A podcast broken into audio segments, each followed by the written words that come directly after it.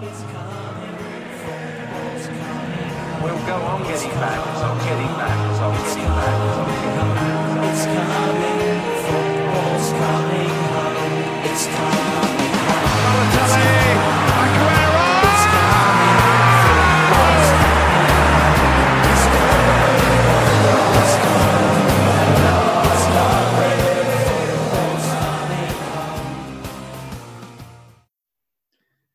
weer beginnen. Na meer dan drie maanden tijd mogen wij eindelijk weer genieten van de Premier League. Project Restart gaat op 17 juni beginnen. En dat doen we met een topper. Man City tegen Arsenal.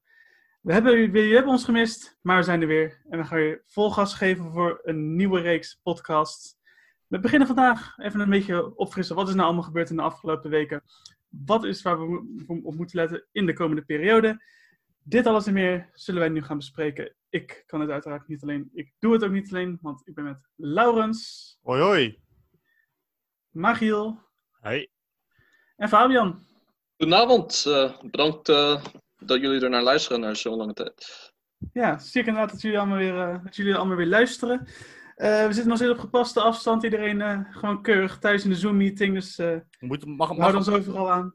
ja, moet ons eraan houden nu er ook protesten worden gehouden. Ja, laat, laten we maar als Podcast Road het goede voorbeeld geven, vind ik. Mooi gezegd. Ja. Dat lijkt mij, lijkt mij het verstandigste. Hé, maar ja, eerste vraag. Hebben jullie er weer zin in? Nou, ik moet eerlijk toegeven, ik heb voor het eerst in mijn leven kan ik bijna alle, alle linksbacks en rechtsbacks van, Duits, van alle Bundesliga clubs noemen. Dus eh, zo Eh, desperate ben ik. Welke is de linksback van Werder Bremen? Ja, dat is Gabriel Slassie, toch? Dat is rechtsback. Nee. Ik, Goed ik, genoeg. ik, ik reken het Bijna. goed. Magiel, linksback van Keulen? Linksback is eh Kattenbach. Nice. Ehm, rechtsback van Dortmund, Fabian? Dat is Ashraf Hakimi. Keurig. Nou, genoeg over de Bundesliga. We gaan uiteraard over de Premier League. Want we beginnen weer Project Restart. 17 juni de Premier League. Ehm, ja, we beginnen met twee inhaalwedstrijden. Ehm City Arsenal. Hoe gaat het worden? Wat gaat het ervan worden? Ja, leuke pot, Ja. denk ik. Maar ik ben benieuwd, want eh, het voordeel is nu wel, denk ik, eh, voor Arsenal dat er geen eh sports op- de tribune zitten. Hoewel dat bij City meestal het geval is. Nou, ik, ik begin weer lekker met, ja, ik, ik wist dat dat ging komen. Ja. dat te komen. Maar ja, dat, dat, dat zie je in Duitsland. Hè? Iedere, ieder team heeft geen thuisvoordeel meer. Maar ik ben wel Mhm. benieuwd hoe het met, eh, met, eh, met, met de fysieke gesteldheid is van de spelers. Ja. Dat is de grote ja, vraag eigenlijk. En eh, ik las ook wel ergens dat Arsenal, dat Arteta ervoor gezorgd heeft dat die spelers, terwijl ze in lockdown zaten, dat ze gewoon doorgetraind hebben dat ze alle oefeningen die ze individueel konden afleggen, gewoon in de groepstraining, zeg maar, dat deden ze thuis ook gewoon. Dus eh, volgens de medische staf zijn ze allemaal topfit eh, daar. En ik hoop dat dat eh, zijn voordeel geeft tegen City. Maar we kunnen in de Premier League wel een beetje het eh, besef hebben van, er maakt eigenlijk niet zo heel veel, heel veel meer uit. City, eh, die zijn al sinds december niet meer echt serieus bezig met de competitie. Dus eh, ja, de kans is groot dat, eh, dat, ze niet, dat ze niet vol gas geven voor, voor de resterende wedstrijden, wedstrijden van de Premier League. En dat ze gewoon denken van ja, ik wil, het maakt ons niet zo heel veel uit. We willen gewoon de Champions League winnen, de FA Cup, want daar kunnen we nog iets aan doen. Maar de Premier League, dat hoeft dan... eh, dat vinden wij dan niet zo belangrijk als een, bijvoorbeeld een Arsenal, die dan echt strijden voor Europees voetbal. Daar heb je een punt. Maar ik ben wel benieuwd. eh, ik heb niet echt, niet echt diep uh, nagezocht. Maar is bijvoorbeeld een Laporte weer terug bij City? Want die was natuurlijk geblesseerd. Ja, klopt. Die is eh, weer terug. Sané is ook weer terug. Maar in het geval van Sané, die heeft eh, natuurlijk een heel seizoen niet gespeeld. Sinds eh, augustus, geloof ik. Dus eh, hij gaat waarschijnlijk een paar wedstrijden nodig hebben om er echt in te komen. Ja, Laporte weet ik dan niet. Eh, het maakt natuurlijk wel heel veel uit als eh, bij City of die speelt of niet. Maar ja, ik denk eh, dat zal toch wel kans maken. Gewoon de eerste wedstrijd terug. Geen thuissupporters zoals Maurits zei. Dus ik heb er wel vertrouwen in dat het eh, kan gebeuren. Ja, dat wordt natuurlijk nog spannend, hè? Want wie, bedoel, de, de, ja, de titel is natuurlijk verspeeld, maar daaronder kan eigenlijk de hele competitie nog van alles gebeuren. Ja, dat is wel zo. Ja, top 4 is natuurlijk eh, best wel spannend. En ook omdat City misschien geen Europees voetbal spelen volgend seizoen. eh, door uh, ja, dat verbod die ze hebben gekregen van UEFA. Dat ze twee seizoenen niet kunnen spelen. Dus ik ben benieuwd of dat ook invloed gaat hebben op ja, hoe, ze die laatste wedstrijden benaderen. Ja, het, er, echt gaan want er wordt ook gesuggereerd dat waarschijnlijk de Champions League in een WK-vorm wordt gespeeld deze zomer. Ja, klopt. Dat ze dan ja. in Duitsland of eh, Portugal gaan zetten houden, geloof ik. Ja, dat had ik ook begrepen, inderdaad, ja. Het is een, eh, want dat zijn natuurlijk de enige twee landen, eerste, de eerste twee landen waar ze nu al, ehm, waar ze nu ook weer de hele competitie hervat hebben. Dus dat is wel eh, zo interessant eigenlijk. Mhm. En verder, ja, we hebben nog een andere wedstrijd die, eh, die dan begint. Dat is Villa Sheffield. Ja, mag ik weer zeggen, Sheffield wint weer. Of ga, hoe, gaat het, hoe, gaat het, hoe gaat het dit keer eindigen? Ja, dat is natuurlijk ook een, eh, een pot waar natuurlijk voor Villa heel veel voor op het spel staat. Dat vind ik Ja. het. eh, ik, ben, ik heb natuurlijk een beetje een sympathie voor Villa dit seizoen. Mhm. En eh, ik denk dat voor Villa deze periode van eh, lockdown eigenlijk een voordeel is geweest. Want hun eh, beste middenvelder met uh, Grealish is weer terug, McGinn. Mhm. En ik denk dat die wel echt Mhm. een toegevoegde waarde gaan zijn in de degradatiestrijd. Maar weet je, bij, ik durf bij iedere, iedere pot die nu gaat komen, behalve bij Liverpool City dan, heb ik echt het gevoel van hoe gaan ze uit deze coronatijd komen. Ja. Dat is het lastige natuurlijk van. ehm, maar ja, sommige, sommige gasten, ik bedoel, City was natuurlijk heel erg benadeeld doordat ze zo ongelukkig veel blessures hadden aan het begin van het, eh, van het seizoen, waar ze heel veel punten verspeeld hadden. Ja, hoe gaan die eruit komen? Ik bedoel, We hadden het over de Laporte, die, gaat, eh, die is wel op het punt van terugkomen. Mhm. Ehm, verder, zoals je ook al zei, bij Villa komen McGinn, McGinn weer terug. Grealish is er natuurlijk altijd. En kijk hoor, ehm, nou, we zitten bij Arsenal verder. Ik weet niet, heeft Arsenal veel eh, blessures op dit moment? Eh, nou, ik geloof dat iedereen eh, wel terug is. eh, behalve eh, Callum Chambers, die had zijn eh kruisband gescheurd. Dus eh, die is dan voor de rest van het seizoen uitgeschakeld. Mhm. Maar ja, dat is ook niet echt een dragende speler. Ik geloof dat Cedric, de rechtsback die ze van Southampton hebben gehaald, of eh, gehuurd, die, Mhm. eh, die is weer fit, geloof ik. Dus eh, En- die traint weer mee. En dan is, En Kieran Tierney, is die weer terug? ja, die is ook weer terug. Ja. Maar dat was eigenlijk al voor, eh, voor de lockdown. Toen was hij net terug in training. Hij zou waarschijnlijk de eerstvolgende wedstrijd hebben gespeeld of bij de selectie hebben gezeten. Maar toen gingen die wedstrijden niet meer door. En, eh, Nee, precies. ter- ter tijd gesloten, ja. Maar hij is weer terug, ja. Ja, cool. Ja. Ja, en ik dacht dat ik ook nog wilde zeggen, maar Giel, dat ik altijd weer lekker Nee, nee, nee. Nog niet. Ik kom nog. Ik kom nog. Je, je, je, je komt nog, want ik had wel het even over, over, over Cedric als, ehm, als rechtsback bij Arsenal. Wilde volgens mij ook al heel graag weg bij Southampton. En wat ik nou las, was dat eh, voor Southampton, die is in de markt voor deze Fanjo Zeefuik van, eh, van Groningen. En persoonlijk denk ik, ja, en ik denk persoonlijk dat het echt wel een hele goede gozer is die dat perfect bij Southampton past. Want die heeft natuurlijk echt een heel goed seizoen achter de rug in de Eredivisie. Mhm. Ik ben wel heel benieuwd hoe dat gaat uitpakken in, eh, Ja, ik zou het wel jammer vinden dat, dat hij dan niet naar Feyenoord gaat. Dat had ik wel mooi gevonden. Maar ja, ik, wil, ik vind hem wel gewoon een goede back. de- en hij wil natuurlijk ook meegaan naar het EK volgend seizoen. Volgend jaar. Dus eh, ik denk dat het eh, wel een goede stap voor hem is om daar naartoe te gaan. Dus, eh, Nee, ik denk ook dat hij heel goed past. Want het is een hele het is een beetje fysieke jongen ook natuurlijk. En dat Mhm. past Ja. wel lekker in Engeland. En dan ook nog bij een ploeg die een beetje onderin meedoet. en hij is verdedigend eh, vrij goed. Meestal zie je, ja, zeg maar, moderne backs die zijn wat aanvallender. Maar je hebt een eh, ja, paar gevallen waar dat dan niet zo is. Zoals bij eh Wan-Bissaka. En hij past een, be- een beetje binnen dat categorie. Dat hij verdedigender wat meer kwaliteit heeft dan aanvallen. ook al is eigenlijk. Ja, ja. Eh, trouwens, jongens, als we zo meteen nog over eh, blessures willen hebben. ik- Het voordeel van de, dat we de podcast thuis opnemen, is dat ik hier met een tweede scherm zit. City heeft geen blessures. Arsenal heeft er eh, twee. Je zei Callum Chambers al. En Lucas Torreira is ook geblesseerd. Maar er Oh ja, ook geen. eh, en die heeft geen return date nog. Dus dat wordt nog wel eh, twijfel of die er is. Ja, dat was ik even vergeten. In de bekerwedstrijd was hij inderdaad geblesseerd geraakt. Maar ik heb hier dus alle, ik heb hier alle blessures eh, voor me. Maar wat zijn er, ja, we kunnen wel gelijk even naartoe gaan. Want wat, wat, welke clubs hebben nou nog meer in ieder geval echt belangrijke voetballers die geblesseerd zijn? Maar waar ja, die hebben echt wel nodig nog. nou, ik heb. eh, eh, Bournemouth heeft er zeven hier staan. Ja. Oh, ja, oh ja, die kwam natuurlijk heel slecht ook weer. eh, die, voor hun komt eigenlijk de coronacrisis relatief gezien goed uit. Want die hadden op een gegeven moment echt maar gewoon speelde die met een veredeld B-elftal. Die, die flirten enorm met degradatie door al die blessures natuurlijk. Nou, ja, ik, die heb, verloren ook 5-1 van Bofford of zoiets.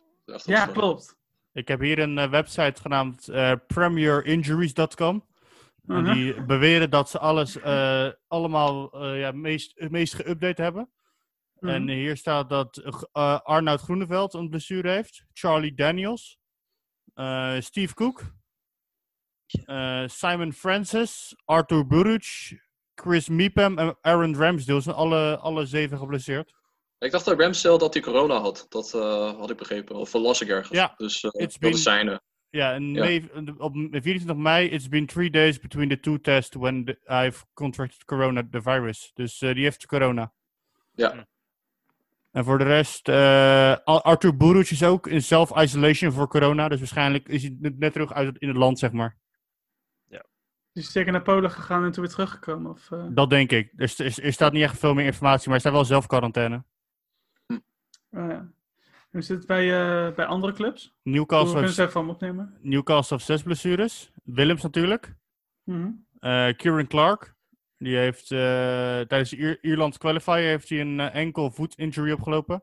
Callback, maar ja, ik weet niet of je het echt moet noemen. Eh Dubravka. niet genoeg mag worden? Is ook. Oeh. Maar die heeft bij 11 april gezegd dat zijn eh, knie vij- 85 à 90 procent eh, geheeld is. Eh Dummett heeft was nu geblesseerd. En met Matthew Longstaff heeft ook een blessure. Met, eh, volgens mij met, het, eh, met, met, de, met de voorbereiding opgelopen. Oké, dus eh, die, die is dan net gekomen.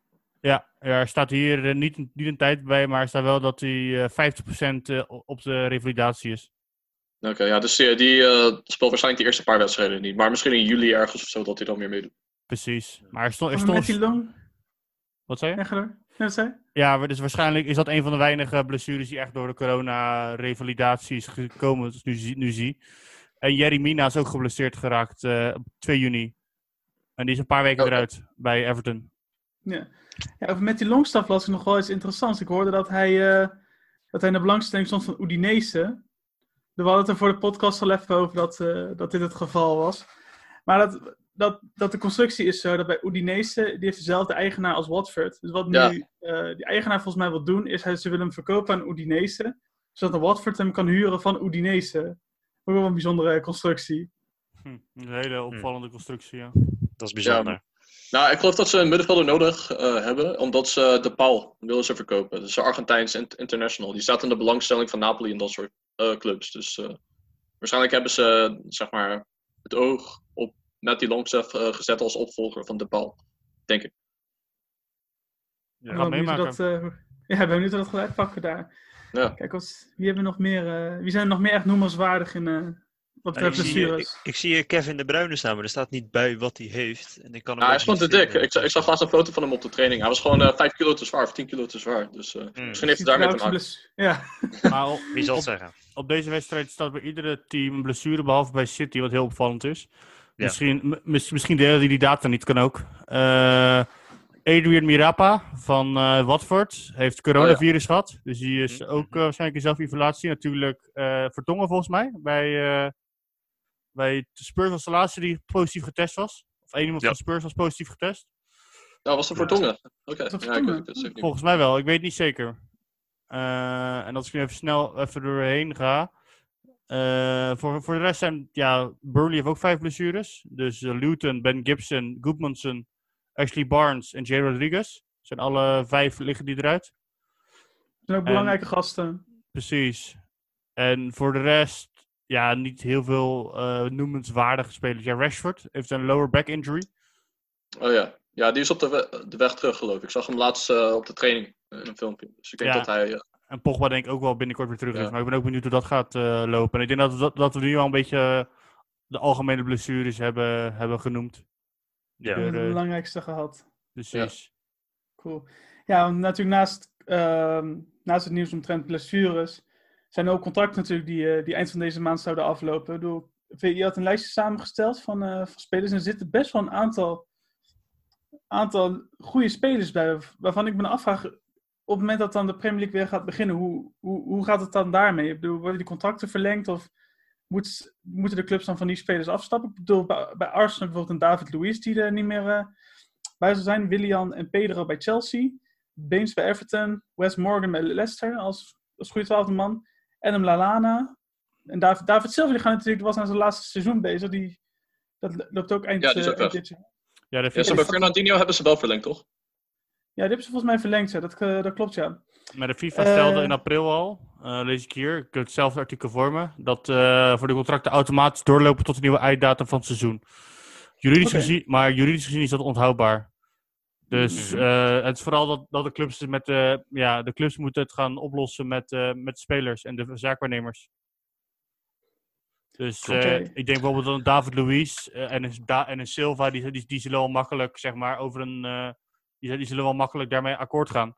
Maar zoals je Mhm. zegt, een, eh hoe heet ook weer, een Jan Vertongen, daar, daar is nog heel veel twijfel over. En natuurlijk een Hakim Ziyech ook. Mag hij meespelen of niet? Nee, die mag niet, eh, die mag niet meespelen, had ik begrepen. Ik had begrepen dat hij ehm, dat niet op 1 juli, maar op, bij de start van het volgende seizoen zijn eh, contract officieel ingaat. Dus dat hij vanaf dan Mhm. mag meedoen Ja. met Chelsea. Ja, het is natuurlijk ook zo dat die, dat, dat, dat, dat die spelers moeten worden geregistreerd. En die zijn natuurlijk niet geregistreerd tijdens de laatste registratiemoment. Ja, Ja. klopt. Ja, precies. Dus dat wordt eigenlijk al wordt dat een beetje eh, vooruitgeschoven als je het, ehm, als je het zo bekijkt. Ik denk het wel. Ik denk dat weinig spelers, volgens mij, als ik nu dat lijstje even er doorheen scroll, zie ik weinig spelers die echt andere belangen hebben. Naast, eh, die, die, die zeg maar een ander contract hebben getekend. Dus je ziet er weinig tussen staan.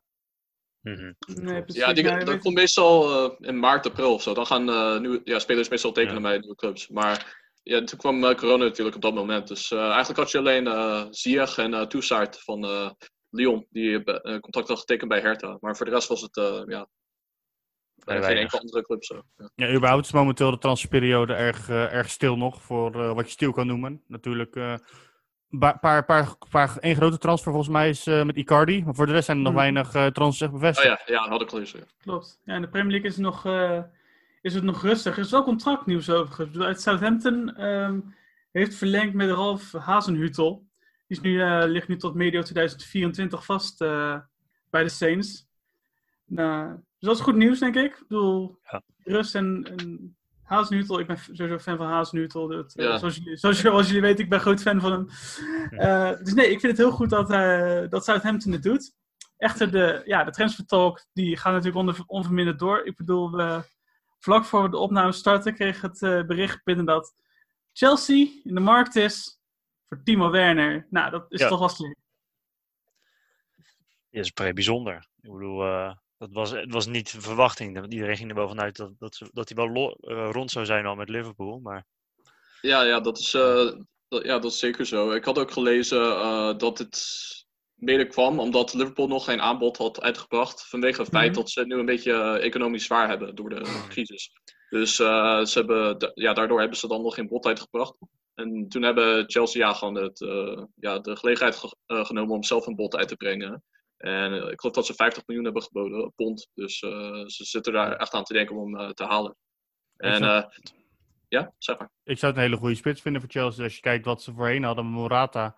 En eh, Giroud, die, ja, Giroud was natuurlijk wel een goede waarde, maar Morata heeft het niet heel erg gebracht. En Nee. natuurlijk Tammy Abraham is nog een beetje te licht, maar die kan nog echt rijpen in de schaduw van Timo Werner. Ja. En ik vind het niet alleen dat, dat hij dan eh, ook gewoon een spits is, maar hij kan bijvoorbeeld ook op links eh, spelen. En wat ik zelf een beetje ja, door begin te krijgen is, Lampard probeert te- eenzelfde soort team te bouwen als Pochettino toen hij Spurs ging bouwen. Dus hij had, Pochettino had Eriksen gehaald, of ja, die was er eigenlijk al. En hij had hem in plaats van als nummer 10 gezet, had hij hem op rechts gezet. En daardoor heeft eh, Lampard eh, belangstelling gehad voor Ziyech. eh, omdat hij dan eigenlijk ook een creatieve speler had, nodig had die op rechts kon spelen. En nu wilde hij eigenlijk een type Son halen. Gewoon een, ja, zeg maar een speler die zowel op de vleugel als in de spits kan spelen.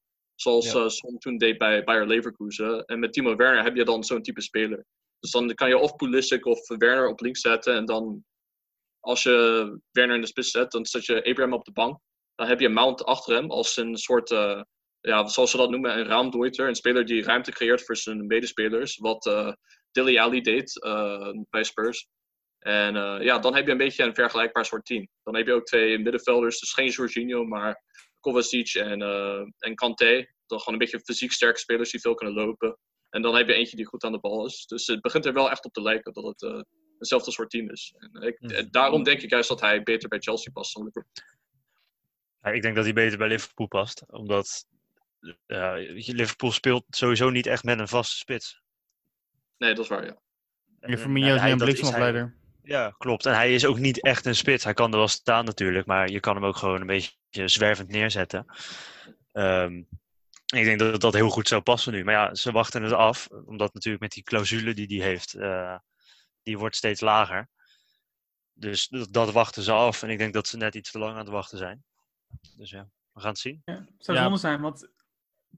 Wat zei Lau? Ik denk dat het voor, eh hoe heet het ook weer, voor Liverpool het systeem lijkt een beetje op het van eh Red Bull Leipzig. Heb ik een beetje nu gezien, omdat ik heel Duits voetbal kijk. En het is allebei heel erg gegenpressing. Dus in het systeem van Liverpool zou die goed passen. Maar als eh, Fabian gelijk heeft in de zin van dat ze willen spelen met een eh à la Poch, dan zou die denk ik ook wel goed in het systeem kunnen passen. Ik denk dat het een hele goede veelzijdige spits is die echt gewoon wel wereldtop gaat worden. Mhm.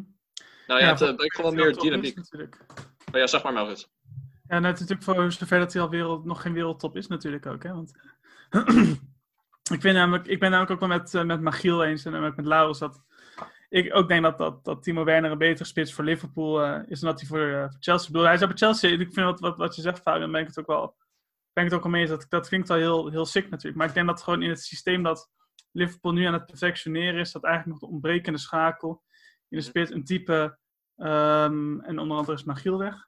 Ehm, dat, dat eigenlijk een type, type Werner in de spits bij Liverpool, weet je, om die gegenpressing te kunnen, te kunnen doen, dat daar juist een, een Werner voor nodig is om dit, ehm, ja, om, dit, om dit goed te krijgen als het ware. Als, ik- als, als je mee snapt wat ik, wat ik bedoel. Bedoel Ja, ik leg denk heel gecompliceerd uit. Maar Nee, ik snap wat je bedoelt. Want kijk, iedereen eh ja, prijst het spel van Liverpool momenteel met Mané en eh, Salah. En dan, eh, ja, heet ook hem? eh, die Braziliaan op de spits. Ik ben even zijn naam kwijt. Ja, Firmino. Firmino. Maar eh, ja, de kritiek op Firmino was vooral dat hij, niet, dat hij heel, heel weinig scoorde. Dat hij dit seizoen, Ja. zeg maar, eh, toch het scorende aspect miste. En ik Ja. denk, als je met Firmino op 10 zou spelen, bij wijze van... Dan, want Lallana gaat ook weg. Dan heb je denk ik wel gewoon echt een heel dodelijk middenveld met Wijnaldum en, Fabinho bijvoorbeeld. Of met Milner. Of, ja, of Henderson natuurlijk. Of Henderson Maar- natuurlijk. Ja, en ik vind Firmino, hij speelt eigenlijk ook gewoon als een tien. Hij is een soort eh, ja, bewegelijke middenvelder die eh, ja, net achter zeg maar, wat een spitspositie zou zijn, dat hij daar speelt. Hij ja, verdedigt mee, hij, zet druk en hij creëert dan eh, ruimtes voor, eh, de ruimtes voor de passes. Vanuit de backs naar de aanvallers, naar Salah en Mané. En daardoor is het juist omdat het zo inno- innovatief is en heel bewegelijk. Daardoor kunnen ze de teams gewoon afstraffen. Is het heel effectief in het, eh, ja, en het aanvallende vermogen. En ik denk met Werner kan je dan, heb je nog een wapen inderdaad. Maar vanwege het feit dat Chelsea, dat ze dan ja, toch wel zo'n type speler als Son nodig hebben. Weet je, zo'n aanvaller die vanuit links naar binnen kan komen. En, en dan die eigenlijk ook gewoon in de spits kan spelen. En dat is ook gewoon een team die ook echt gewoon zo'n type speler nodig heeft. Om dan nog een extra stap te kunnen maken naar, laten we zeggen, top 3 in plaats van eh 4 tot en met 6. Ik En denk dat dat, Chelsea, dat, dat eh, echt een versterking zou zijn. Ja, En Chelsea überhaupt ook aan het, he- aan het herbouwen momenteel. Natuurlijk. ja dat Pe- ook. Want Pedro, ze hebben ja, eh, jaar niemand gehaald. Pedro gaat natuurlijk weg. Ja. Ehm, William gaat weg. En dan, eh, ja, dan denk ik dat zo'n. eh je weet wel, hem, hij, hij kan denk ik wel die plek goed invullen. En dan eh, met Mount. En je weet, het wordt echt wel Mhm. dat het echt een goed eh, plan wordt van, eh, van Lampard, wat je zei. Ja, en eh, het is ook gewoon zo van, in Liverpool zou die niet verkeerd staan, maar ik denk dat zij hem minder hard nodig hebben dan Chelsea. Want bij Chelsea zouden ze, bij Chelsea eh, zouden ze dan ineens gewoon een veel beter ploeg zijn. En bij Liverpool ook zouden ze misschien ja, net wat eh, verrassender spelen of wat dan ook. Maar het is eigenlijk al een heel sterk team. Die, die gaan niet echt nog een ja, plateau hoger, zeg maar. Ik denk dat het misschien net eh, een verschil zou maken. En daarom denk ik dat het eh, belangrijker zou zijn voor Chelsea. Nou, we gaan Ja, kan meemaken. Ja, ik kan op zich wel inkomen. Het is natuurlijk ook, eh, ook wel goed om te weten dat natuurlijk op het moment dat hij eh, bij Stuttgart debuteerde, dat het toen uh, van origine ook een linksbuiten of een rechtsbuiten was. Dus hij is natuurlijk al wel al een beetje familiar met, uh, uh, met de plek als, als, als, bui als, buitenspeler, zeg maar. Dus dat speelde ik natuurlijk ook een... Uh, ja, voor Duitsland speelt hij daar ook uh, af en toe, geloof ik. Dat, hij, dat is met Royce in de spits spelen of Havertz en dat ze af en toe Werner op links zetten. Ja, verder nog andere leuke transfers die we die even moeten, of transfer talk die we even moeten bespreken, is natuurlijk van onze eigen Orkun Kukcu, spreken we als, als, als Feyenoorders. Ja. Gaat samen met Bogarde, een jongen uit de jeugd, is, is Arsenal in hem geïnteresseerd. Um, en, en Arsenal heeft meer dan 20 miljoen voor, voor Kukcu kwijt. Is hij dat geld al waard? Dat als ik, ik, ik denk van die gozer heeft net een, een, een jaar in de eredivisie erop zitten. Ja. Ja, maar dat is vraag en aanbod, hè? Je zegt vraag en aanbod ja. wat, je hier, uh, wat je hier hebt. Uh, volgens de Nederlandse media is het niet waard. Maar als ik de potentie mag geloven van heel veel, uh, heel veel, ja, heel veel criticasters en bijvoorbeeld ook Dick Advocaat zelf, zou, je, zou, zou die het waard moeten zijn. En volgens mij heeft hij een drie, vier jaar lopend contract of drie jaar. Dus ja, dan uh, kan je het ervoor vragen. En als Arsenal uh, dat we hebben, want ik hoorde dat uh, die trainer heel erg gecharmeerd voor hem is. Ja, Arteta wil hem hebben. Art, ja, Arteta wil hem graag hebben. Dus dan uh, ben, ik, ben ik benieuwd hoe hij daar in die puzzel gaat uh, vallen van Arsenal. Nou, ziet hij nou wat van zichzelf in, in, doordat kan je beter beantwoorden, denk ik, Fabian. Ziet, ziet Arteta wat van zichzelf in Kuksu? Omdat hij zo gecharmeerd uh, van is, al zo lang. Ja, ik vind het niet helemaal hetzelfde type speler. Kijk, ze zijn allebei best wel goed aan de bal, maar Arteta was meer echt een speelverdeler die dan steeds verder terugzakte. Dus later in zijn carrière speelde hij haast als uh, een beetje wat Chaka nu speelt. Een soort van uh, regista-positie. Maar Mhm. bij Kukju is er veel meer een speler die tussen de linies kan, eh, die heel bewegelijk is tussen de linies, dat hij eh, zo'n steekpaas kan geven en wat dan ook. Hij is veel meer betrokken, ja, ja, als spelverdeler. Hij is veel meer bewegelijk dan Arteta ooit was. En eh, ik denk dat hij zeker wel potentie heeft, maar dat hij nog niet ver genoeg is in zijn ontwikkeling om dan de stap te maken naar de Premier League. Ik denk dat hij, dat het beste zou zijn geweest om dan nog één of twee jaar bij Feyenoord te blijven en dan naar bijvoorbeeld een Arsenal of een eh, Tottenham of zo'n soort club te gaan. Maar om Mhm. het nu, ja, nu alvast te doen, dan vind ik eh, ja, eigenlijk een heel groot risico. En als ze dan eh, ja, 20 nu- miljoen, 25 miljoen zouden betalen, zou ik dat wel erg veel vinden. Dus ik heb ja, nog zomaar mijn twijfels. Maar ik denk dat Arteta ook denkt van eh Özil, die is 32, die, die is eh, ja, niet heel goed meer. En je hebt gewoon heel weinig eh, jonge spelers die echt op 10 eh, heel goed uit de voet eh, kunnen spelen. Want eh, dat is een positie die een beetje ja, in de moderne voetballerij een beetje eh, ja, weg begint te zakken. Dus ik denk dat eh, juist door het feit dat zulke spelers zeldzaam zijn tegenwoordig, dat eh ja, marktwaarde van, eh van eh Kukçu zo hoog is. En, eh, Ja, maar wat ik dan wel denk, is het dan niet slimmer om hem eerst nog een jaartje dan... Ik bedoel, natuurlijk, als je 15 miljoen krijgt voor, voor Kuksu, ik zou hem ook gelijk wegdoen. Maar dan zou het voor, voor Arsenal ook wel slimmer zijn. En ook voor Feyenoord ook wel goed, denk ik. Om die gozer nog een jaar naar Feyenoord te verhuren. En dat hij dan kan instromen om, om Özil Ja. op, te kunnen volgen. Ja, En Die dan- en- Sali- en- die Saliba-constructie. Ja, precies, de Lippen-constructie. Die was ook duur. Die hebben ze een jaar toch eh, ja, gehuurd of verhuurd. En eh, ik vond dat eigenlijk wel een, ja, een goede beslissing. Ik denk alleen wel dat als ze dat zouden doen, dat ze dan minder geld zouden vragen. Of dat ze, dat ze zouden zeggen van, oh ja, 15 miljoen nu. En dan krijgen jullie eh, ja, 5 miljoen of 10 miljoen als hij dan echt eh, een speler van Arsenal is. Dus het is maar de vraag of Feyenoord daar, daar akkoord mee zou gaan. Eh, met ja, minder geld, zeg maar, rechtstreeks. En of Arsenal dan niet ja, per direct een nieuwe speler willen hebben. Want het is wel een matige selectie, vind ik zelf. En ze hebben toch wel echt ja, ja, versterkingen no- nodig die meteen kunnen spelen, vind ik zelf. Ja, dus dan zou je eigenlijk zeggen, wacht even met Kukcu. Ja, dat zou ik eigenlijk wel zeggen. Het liefst misschien nog een jaartje geven als hij een goed EK heeft. Da- Mhm. Ja, dan eh, is er weer het, eh, loop je het risico dat je dan meer moet betalen, omdat zijn marktwaarde waarde dan meer omhoog gaat.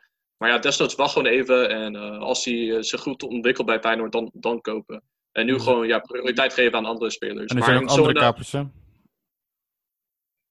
Ah, maar Giel is weer terug. Ja. Ja. Kijk, top. Ja, er zijn ook- Er zijn ook andere kapers op de kust. Daarvoor ik kutje hoor. Dat Sevilla ook geïnteresseerd was. Valencia volgens mij ook. Ja, AC Milan, ja, best wel veel clubs inderdaad. Dus, eh, maar ik geloof dat Arsenal, die zijn het meest concreet eh, geweest. En die, kunnen, die hebben natuurlijk de meeste geld te besteden. Dus eh, het kan zijn dat, ze, dat zij voortouw nemen. Maar we zullen het zien. Het is gewoon afwachten en kijken hoe het, hoe het gaat. Nou, dan gaan we de laatste transfers nog even bespreken. En dat is dat onder andere Tagliafico van Ajax staat in de belangstelling van Chelsea. Hele goede set. Echt een hele goede set. Als je iets wat ze er nu hebben lopen, denk ik dat Tagliafico echt een goede versterking voor Chelsea is, man. Ik denk echt dat hij daar goed kan, eh, kan functioneren. Maar hoeveel wil Ajax ervoor hebben, dat is meer de vraag. Hè? Want Ajax die heeft aangegeven, we, we, we gaan niet in prijzen verlagen, ook al is het corona. Dus Mhm. je, houdt, je houdt er gewoon vaste vraagprijzen aan.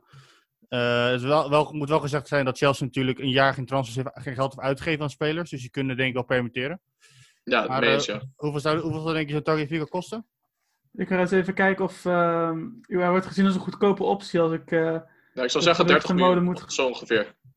ja, ik zie Ajax Showtime bericht over 35 miljoen voor Tagliafico. Oh, 35, ja, oké. Dus eh, inderdaad ongeveer 30 miljoen. Dat, Zou, een eh, goede, zou, een goede, zou naar mijn mening een goede, goede prijs zijn voor een eh, Ar- Argentijns international die in zijn prime is. precies, half finale Champions League gespeeld. Plus Chelsea heeft gewoon een linksback nodig. Want Ja. Marcos Alonso is redelijk, maar is, ik denk dat Tagliafico wel gewoon een stap vooruit is voor... eh, En Aspilicueta is ook eh, op, zijn, eh, op zijn retour aan het Ja, gaan. leeftijd. Ja, ja, die is inmiddels Ja. meer eigenlijk als centrale verdediger gaan spelen. Want ze Ja, hebben die dat Reece James, dus eh, Mhm. nu is hij wat meer teruggezakt. Eh, ja, ze hebben ook eh, Emerson eh, Palmieri. Maar ik geloof dat Ja. Juventus dat die interesse in hem hebben. Dus het kan zijn dat... eh Ja, dat was Sa- meer Sarri, ja, sorry, dat hij- ja, inderdaad. Ja, hij, hij wil eh Jorginho en hij wil Emerson halen. En nog eh, één leuke laatste transfer die ik even wil benoemen. Dat is Gustavo Hamer van Pax Volle. Die staat in de belangstelling van Coventry City. nou, dat is leuk voor hem. Ze wilden er een miljoen voor hebben, dacht ik. Of eh, Oh. een miljoen bieden. Ja, anderhalf miljoen eh, dacht ik dat ze dat la- dat lezen. En ik vind het een, eh, ja, ik vind het een leuke speler. Een beetje een eh, goede versie van Liam Kelly, laat ik het zo noemen. Ja, eh, goed. Ja, precies. Ja, ik, eh, ja dat gunnen we van harte. Lijkt me, le- het lijkt me leuk voor hem om hem daar te zien. Ik bedoel, eh, leuke Eredivisie-speler. Ik denk dat we het hem allemaal wel gunnen, toch? Precies. Ja. Zeker. Een beetje, Zeker. een beetje zoals de Wierik, eh, een speler die voor een Nederlandse subtop speelt. Of ja, ja een soort van... eh, Met je middenmoot. Ja, middenboot, ja. Dan kon er even niet op komen. Maar Maar ik denk ja, dat je bij ik dat hij dan Coventry wel... eh, wel goed verdient hoor. Ik ben Coventry. Ja, inderdaad. Ja, Ja. verdient gewoon lekker en je staat meer in de belangstelling van de grotere clubs in Engeland. Dus het kan zijn dat het een ja, goede ja, stap 1 is eh, in, in Engeland. Dat hij dan later een eh, stap kan maken naar een echte topclub. Dus, eh, of ja, topclub, een Premier League club bedoel ik dan. Dus eh, we, Mhm. ja, we kunnen het zien. Ja, leuk. Kunnen we gelijk door naar een, eh, een club waar het eigenlijk nooit rustig is. Eh, ik denk dat je het al kunnen raden. Newcastle United. Want er zit weer een, we zijn nu aanbeland bij hoofdstuk, ik weet niet hoeveel, van de overname. Ik heb een leuke Eh, naam voor. Ik heb een leuke titel voor eh, dit rubriekje. The Mac where, where are the Magpie Millions? Where are the Magpie Dat, eh kan je daar als producer wat leuks mee of vraag ik niet te veel? Eh de vraag denk ik even iets te veel. Ik vraag te veel, mijn excuus. Ja, want ehm, ik, heb me, ik heb me even laten, laten informeren door een eh, Nederlandse Newcastle-fan en luisteraar van eh, de show, Romy Verhagen.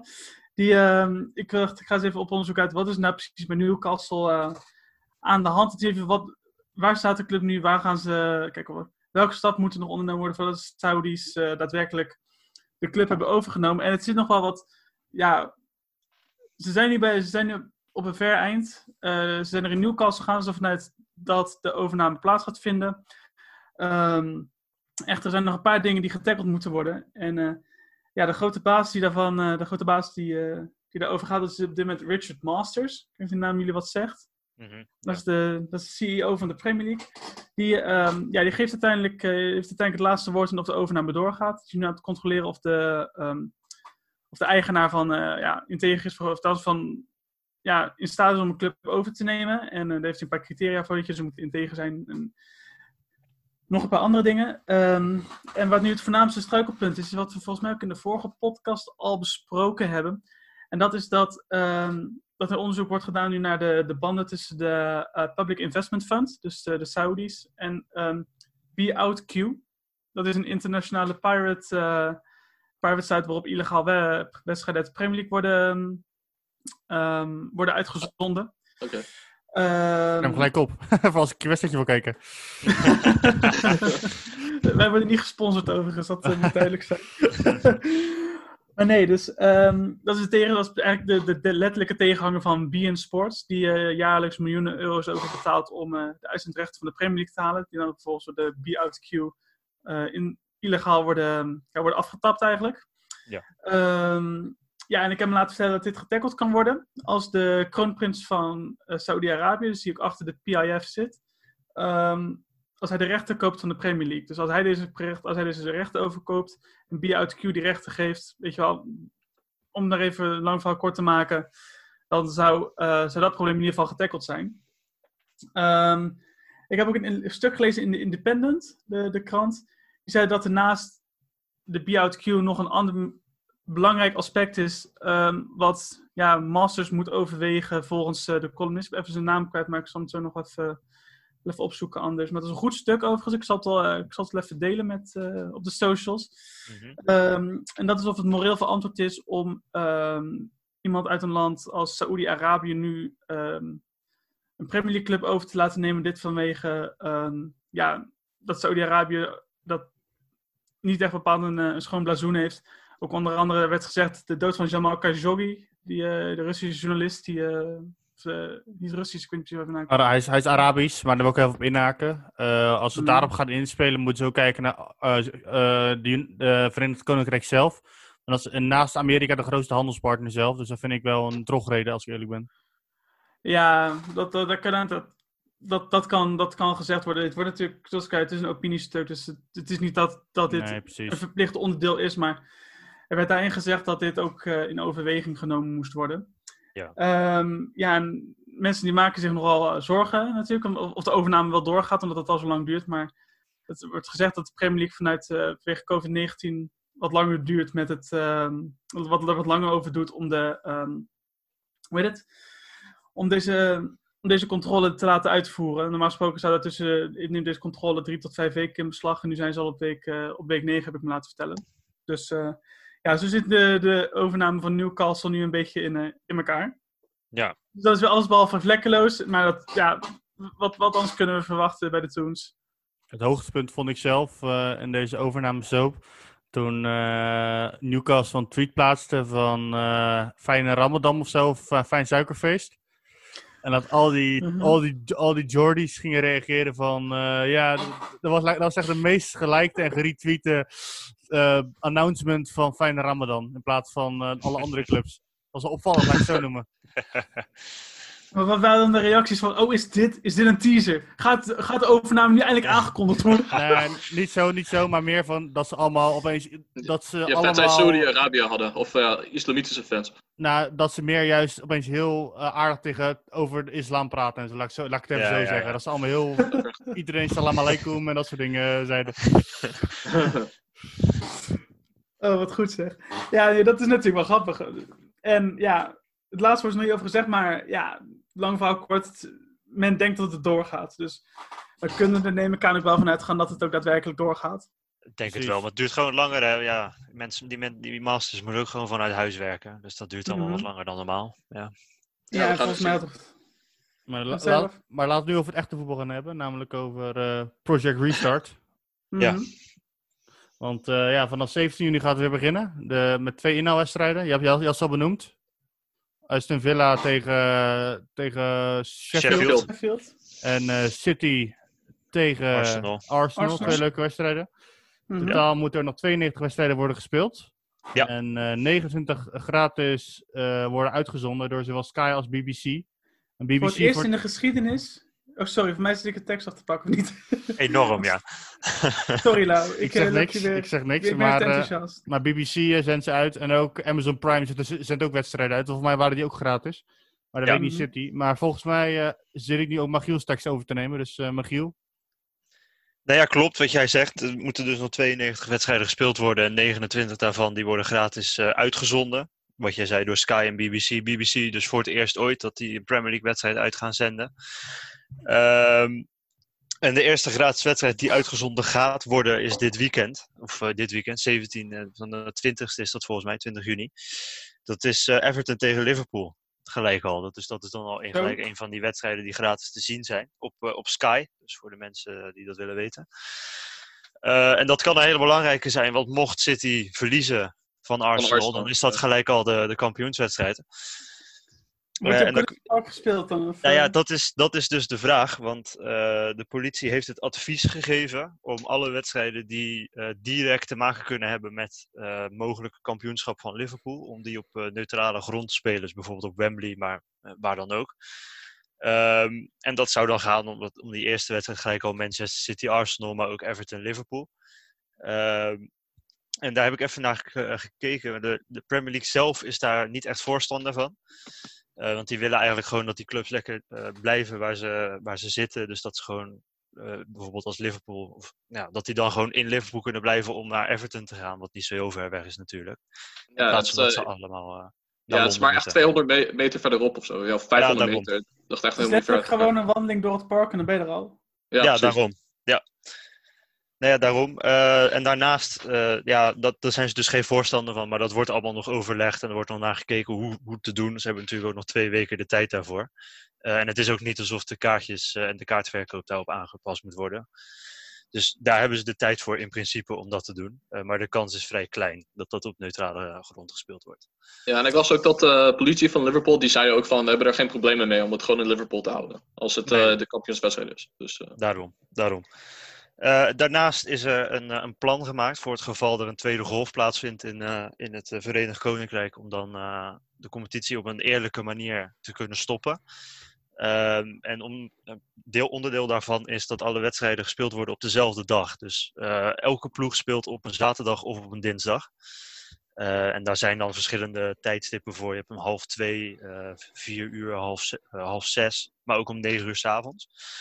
Eh, en die wedstrijden zijn dan op zaterdag en op dinsdag. En dat is om eigenlijk ervoor te zorgen dat mocht het weer eh, stilgezet worden, dan heeft elke ploeg evenveel wedstrijden gespeeld. Er zijn er geen inhaalwedstrijden meer zoals nu. En dan kan er gewoon gekeken gaan worden naar eh, points per game die, die behaald zijn. Dus dan worden gewoon gekeken hoeveel wedstrijden heeft iedereen gespeeld, hoeveel punten hebben we gehaald. En dan wordt er gewoon letterlijk gekeken naar hoeveel punten heb jij per wedstrijd gehaald. En dan kan daar een, een ranglijst van gemaakt worden. En dan Mhm. waarschijnlijk is dan al nummer 1 bepaald, maar de rest kan dan op, op basis daarvan bepaald worden. Nou, KNVB, Maar wederom- take notes. Ja, maar wederom, ook daar wordt nog over eh, gediscussieerd, want daar zijn de ploegen onderin het absoluut niet mee eens. Eh, want er zitten er een paar tussen die hebben niet de makkelijkste tegenstanders nu die daar aankomen. Eh, die zeggen ook van ja, je kunt niet verwachten van ons dat wij zomaar een reeks neer kunnen zetten, terwijl andere ploegen het daar makkelijker mee kunnen hebben. Dus goed, daar wordt nog over ge- gediscussieerd. Verder. Eh, wat hadden we nog meer? Ja, we hadden het er net heel kort over, over die spelers. Of dat mag, nieuwe spelers die aangetrokken zijn of die erbij mochten komen. Dus bijvoorbeeld een Ziyech. Nou goed, wat je zei, dat mocht niet. Dat mag ook niet. Eh, dat is al gelijk besloten. Dat, was, eh, dat werd overlegd. Het werd eigenlijk de vergadering ingeslingerd, dat voorstel. En dat was binnen een paar tellen was het ook gelijk weer weg. Ehm, dus dat was in principe best wel interessant. En dan hebben we nog eh, de vijf wisselregel, zoals die in Duitsland is. Die is vanmiddag aangenomen. Ehm, dat is dus vanmiddag bepaald dat er vijf wissels per wedstrijd mogen worden eh, gedaan door de trainers. En dat moet dan, net als in Duitsland, binnen drie vakken eh, gedaan worden. En dat is nog best interessant, want Chelsea die heeft een voorstel gedaan daarvoor. Eh, die wilde zeven tot negen wissels per wedstrijd hebben. Ja, had ik ook gezien. Wauw. Wel bijzonder. Maar eh, ja, dat is, afge dat is ook gewoon eh, neergehaald door ploegen onderin. Want die hebben natuurlijk niet zo'n brede selectie als dat ze bij Chelsea hebben. Dus dat is een beetje de stand nu. Eh, en daarnaast nog één laatste puntje. Dat was de enige mensen die niet bij de, die, het stadion in mogen, die niet bij het stadion horen of bij de clubs horen die spelen. Dat zijn commentatoren, dat zijn er twee. Er mag één commentator zijn en er mag één co-commentator zijn. En die mogen het stadion in. Dan mogen ze alleen maar gaan zitten op hun plek waar ze het commentaar geven. Eh, ze mogen dus ook niet langs het veld komen staan. Ze mogen geen vragen stellen na afloop van de wedstrijd. Dus ze mogen echt alleen maar zitten, commentaar geven en dan weer naar huis. Het zijn allemaal drastische maatregelen, man. maar het lijkt ook wel heftiger dan, eh, dan hoe het er in Duitsland aan toe gaat, als ik het zo hoor. Ja, ze hebben er iets, echt iets van 200 doden per dag of zo, of 300. Het is echt eh, ja, niet vergelijkbaar met USA, maar wel echt een beetje die kant.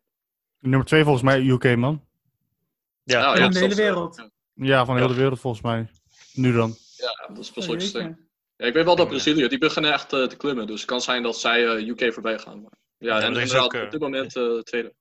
Er is ook heel veel kritiek op eh, vanuit, vanuit het volk zelf. Want die zeggen van wij mogen nauwelijks naar buiten. En dan moeten er ineens voetbalwedstrijden gespeeld gaan worden. Maar überhaupt is Dus er ook er kritiek van spelers, toch? Bijvoorbeeld een Danny Rose, die was heel kritisch. En natuurlijk Mhm. eh, onze, onze Deeney, die zegt van, Ja, ja, ja, ik wil niet spelen vanwege mijn zoontje die eh longproblemen heeft.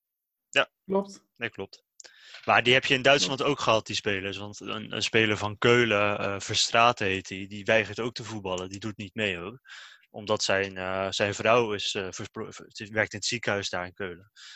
Dus het gebeurt wel meer, maar je hebt het nu natuurlijk ook. Ja. Mhm. Ja, maar wat je zegt, het is nu gewoon echt het modern voetbal wat heerst. En die bepaalt wat er moet worden gevoetbald. Ja, geld. Het is en blijft een industrie. Ja. Ja, zeker. Ja. Goed, over twee weken gaat die, in- gaat die, twee, eh, gaat die industrie ook eindelijk weer, eh, weer los. Ja. Eh, ik zat te denken, we zullen gewoon voor die twee wedstrijden even een klein voorspellingje doen om het eh, even mooi af te sluiten. Enorm voorstander van. Om even gewoon eh, lekker weer even in te komen in dat hele, ge- hele gevoel van het voorspellen van wedstrijden. Laten we lekker rustig beginnen met de eerste twee. Man City Arsenal. Wie begint? Ehm, ik zeg dat eh, City wint. Ja. Ik ga voor Arsenal. Ik ben, eh, dat kampioenschap kan niet gauw genoeg eh, klaar zijn. Ja. En eh, juist om die reden denk ik ook Arsenal. Maar eh Magiel, Eh, ik, denk toch, ik denk toch City. Magiel verwacht, verwacht je ook zo'n eh, hele toffe ceremonie zoals bij Red Bull Salzburg? Ja, Oh nou, ja, ik, dat ik wil Ja, moet wel komen eigenlijk, hè? ik wil eigenlijk hebben wat ze bij Celtic deden. Dat vond ik ook wel geniaal. Die hebben eh, Scott Brown in zijn eentje dat stadion ingestuurd met die beker. En dan om te gaan juichen. ja, het zag er ook heel bizar uit. Die stond daar in een leeg Celtic Park, stond hij die beker zo omhoog te houden naar een drone. Ja. Dat, daar ben ik voorstander van. Ik vind dat, dat, dat is wel mooi. Gewoon een leeg stadion. Leeg stadion. Ja, ja, vind ik eigenlijk wel een goeie. Gewoon Jordan Henderson die daar in zijn eentje zo staat op de kop. Helemaal uit zijn dak gaan. hè. En ik dan wel Kloppo zo voor het, op het veld langs ziet juichen. Dat ziet rennen, weet je Ja. wel. Ja, ik ben voor. Ik ben voor. En Villa Sheffield? Ik denk eh, Sheffield. Ik zeg gelijk spel. Oeh. Ja, pff, geen idee hoor. Sheffield. Sheffield wint weer. Sivkovic met de goal. Ja, poeh, eh, wie speelt thuis? Nou ja, maakt eigenlijk niet uit. Hè. Nee. Eh, Villa, maar niet altijd maakt. Nee, ik zag eigenlijk wel gelijkspel.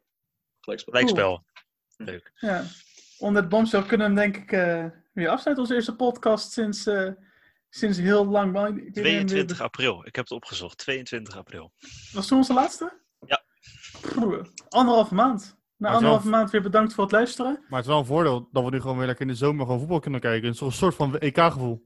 Ik heb niet de. Bundesliga wel, man. Een soort van EK, WK gevoel van, joh, weet je, ik Mhm. kan nu deze wedstrijd. Dan kan ik daarna nog even, oké, dan ga ik niet even douchen, dan kan ik daarna die weer kijken, weet je. Dat tot de hele Ja, dag ja, voor de tv zit. Ja, Maar in de- en, Dat natuurlijk helemaal heftig. en in de Premier League wordt het extreem. Dan kan je gewoon heel de dag Ja. op de bank liggen en dan Ja, joh. Je kan van half twee tot negen kan je voetbal kijken. Echt waar. ga, ga doen. bezorgd, gaat echt binnenlopen, joh. Ja, goed. Nou, in ieder geval bedankt voor het luisteren. Ehm vergeet ons ook niet te volgen op onze socials. Maar Giel, hoe gaan die ook alweer? Voor, eh, Instagram is volgens mij podcast uh, laagstreepje road. Of is dat Dat Twitter? is, dat is de Twitter. Ja. Ja, dan is het op, Instagram is het podcast road. En op Twitter is het podcast laagstreepje road. En dan hebben we ook nog een Gmail, Maurits. Wat is die? Podcastrood.gmail.com voor al uw vragen, liefdesbrieven, opmerkingen, etc. Ja. En dan, ja, hartelijk bedankt voor het luisteren. Tot volgende keer. Yes. Tot de volgende keer.